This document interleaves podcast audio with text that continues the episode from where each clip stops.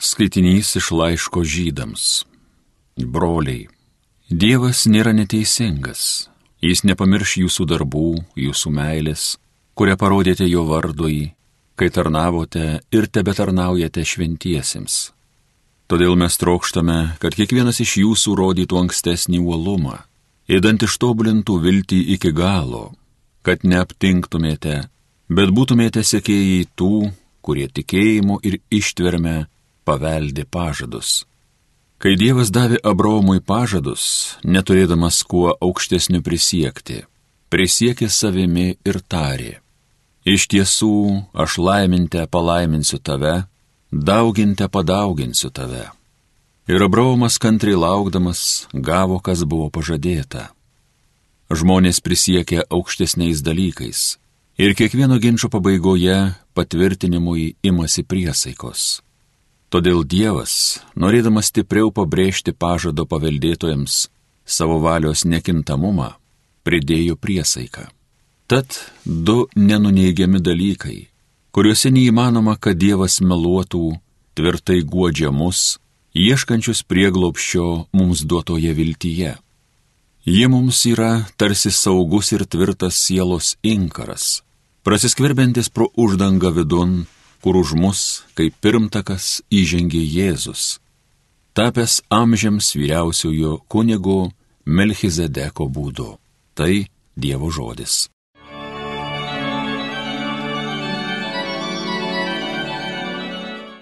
Amžiais atmena viešpats sandorą savo. Visa širdimi Dievui dėkosiu teisingųjų tarpe didžioje jų bendryjoje. Didingi viešpaties kūriniai, nuostabus tiems, kas juos myli. Amžiais atmena viešpats sandorą savo. Paliko veiklos stebuklingos paminklą, gerasis, maloningasis viešpats, maitina kiekvieną, kas jo šventai bijo, savo sandorą atmena amžiais. Amžiais atmena viešpats sandorą savo. Jis gelbi savoją tautą, amžiais jo sandorą sudarytą, jo vardas šventas ir šiurpulingas, viešpaties gyrius tvers amžiais. Amžiais atmena viešpats sandorą savo. Alleluja, alleluja, alleluja. Mūsų viešpaties Jėzaus Kristaus tėvas te apšviečia mūsų dvasios akis, kad mes pažintume, kokia yra viltis, į kurią mes esame pašaukti. Alleluja, alleluja, alleluja.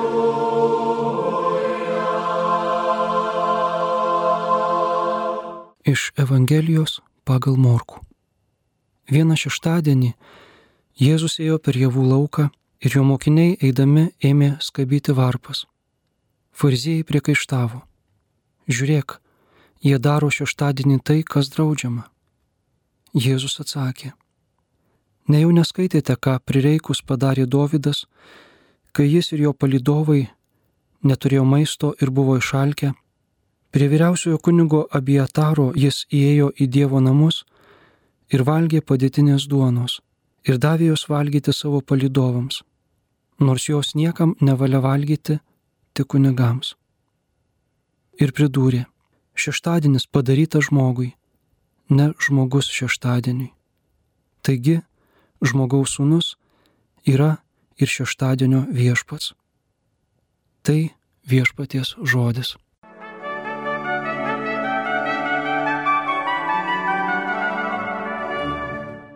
Kam teko nelaimė dalyvauti teisme, ta žino, koks tai nemalonus dalykas. Prokuroras kabinėjasi prie menkiausių detalių, kad įrodytų teisiamojo kaltumą, advokatas nerėsi iš kailio gaudydamas smulkmenas ir niuansus, pagrysti ginamojo nekaltumą. Teisėjas veriantis vienų ir kitų argumentus priima galutinį sprendimą - kaltas arba nekaltas. Šiaip jausmas teismo salėje labai nekoks. Jeigu žmogus įvertinamas tik šiom dviem kategorijomis, taip pat žmogiškumas labai susiaurinamas. O jeigu mes šią teismo salės nuotaiką perkeltume į bažnyčią, ar būtų malonu joje būti? Deja, teismo salės nuotaiką perkelti į bažnyčią mums kartais pavyksta. Tada stebimės, kad bažnyčios tuščios. O kaip jos bus pilnos? Juose lieka tik tie, kurie saugus - prokurorai ir teisėjai. Argi norėsis ten eiti vargšui nusidėliui ir būti teisiamuoju? Teismas, paskutinis teismas yra svarbi apreiškimo tiesa. Bet kažkodėl popiežius Benediktas XVI jame išvelgė vilties mokyklą, o ne kankinimų kamerą. Gal todėl, kad ten teisėjas bus mylintis Dievas, o ne riboti žmonės. Jėzaus laikais fariziejų sukurtas religijos variantas turbūt labiau panašėjo į teismo salę, o ne į tikinčiųjų, Dievą garbinančių žmonių bendruomenę. Šypsena kelia jūsų galvotos taisyklės, punktai ir papunkčiai, liečiantys visas gyvenimo sritis. Net laukuose žmogus nėra laisvas. Vienaip jis gali elgtis, jeigu javų laukas pažįstamo žmogaus, kitaip jai nepažįstamo. Vienaip jei jis nupjautas, kitaip jei nenupjautas. Vienas įstatymo punktas sakė, kaip elgtis su stovinčiu ant stiebo javu, kitas kaip elgtis su gulinčiu ant žemės. Skinimas buvo prilygintas pjovimui, o trinimas tarp delnų kūlimui. O šabas draudė visą, ką galima nors ir teoriškai susijęti su darbu. Vidury laukų sutikę fariziejus, Jėzus su apaštalais atsiduria tarsi teismo salėje ir teisiamųjų suolė. Išanalizavus aplinkybės ir detalės, gaunasi, kad jie yra kalti prieš įstatymą, kalti prieš Dievą. Nesvarbu, kad pats Dievas tapę žmogumi čia stovi. Kadangi teismo sale virtusiuose laukuose yra tik prokurorai, teisėjai ir kaltinamieji, Jėzus imasi advokato pareigų. Jis primena analogišką situaciją, kur daugelis detalių sutampa. Dovydas ir jo vyrai buvo alkani.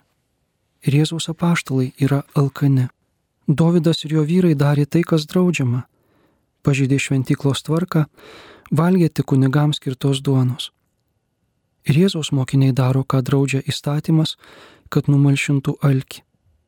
Bet Davido įstatymo sulaužimas lengvai dedamas į skliaustus, nes per jį Dievas nuveikė didelius darbus, suklestėjo žydų tauta. Paraleliniai Evangelijos pagal matą vietoje Jėzus priduria, čia daugiau nei šventikla. Jis tai sako vidury Galilėjos laukų. Galėtų pridurti, čia daugiau negu Dovydas, bet kukliai nutyli. Atėjus laikui žmonės suprastai patys. Fariziejai su savo įstatymo raide sukirsti, alkani žmonės apaštalai apginti. Bet dabar pasvarstykime kitą pusę. Likščiol kritikavom įstatymų raidą, kuri nepalieka išimčių ir kai kuriais atvejais grasina iš žmogaus atimti spontaniškumą, džiaugsmą, gyvastį. Paklauskime tokį klausimą. Ar Dovydas, kuris labai mylėjo šventyklą ir Dievą, norėtų, kad jo veiksmą atliktą labai specifiniai situacijai kartotų visi, kas netingi?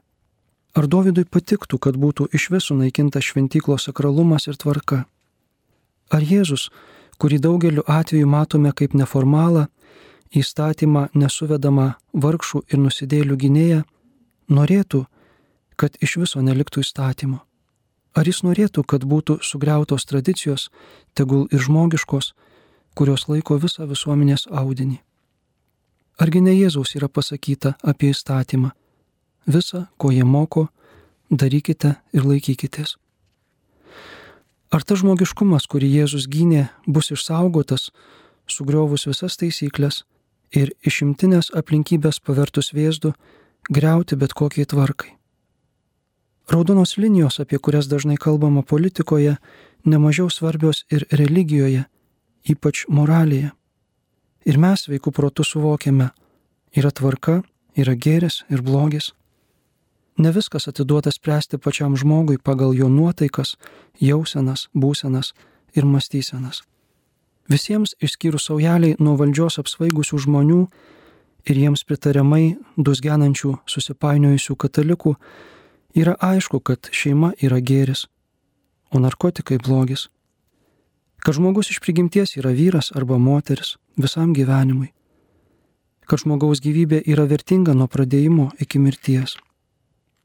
Jėzus, kuris gynė alkanus apaštalus, gydė ligonius, užtojo nusidėlius, niekada nesileis paverčiamas ideologijos, juolap prasilenkiančios su morale, tarnu. Žvelgdami į Evangeliją ir šiandienos pasaulį suprantame, kad bažnyčiai reikia saugotis keleto klystkelių.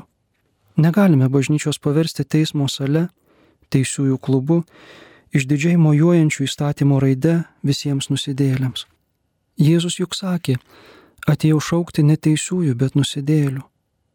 Bet saugokim ją ir nuo blogio įteisinimo, nuo nuodėmės kanonizavimo ir kelimo į altoriaus garbę. Nes Jėzus yra pasakęs ir kitus žodžius. Mano namai yra maldos namai, o jūs pavertėte juos plėšikų lindynę. Ne teismo salė ir ne elitinių krikščionių sąjunga, bet taip pat ir ne plėšikų lindynė. Savo tapatybės bažnyčia visada turės ieškoti Dievo žodyje ir santykėje su Jėzumi, su kuriuo net javų laukas yra daugiau negu šventikla.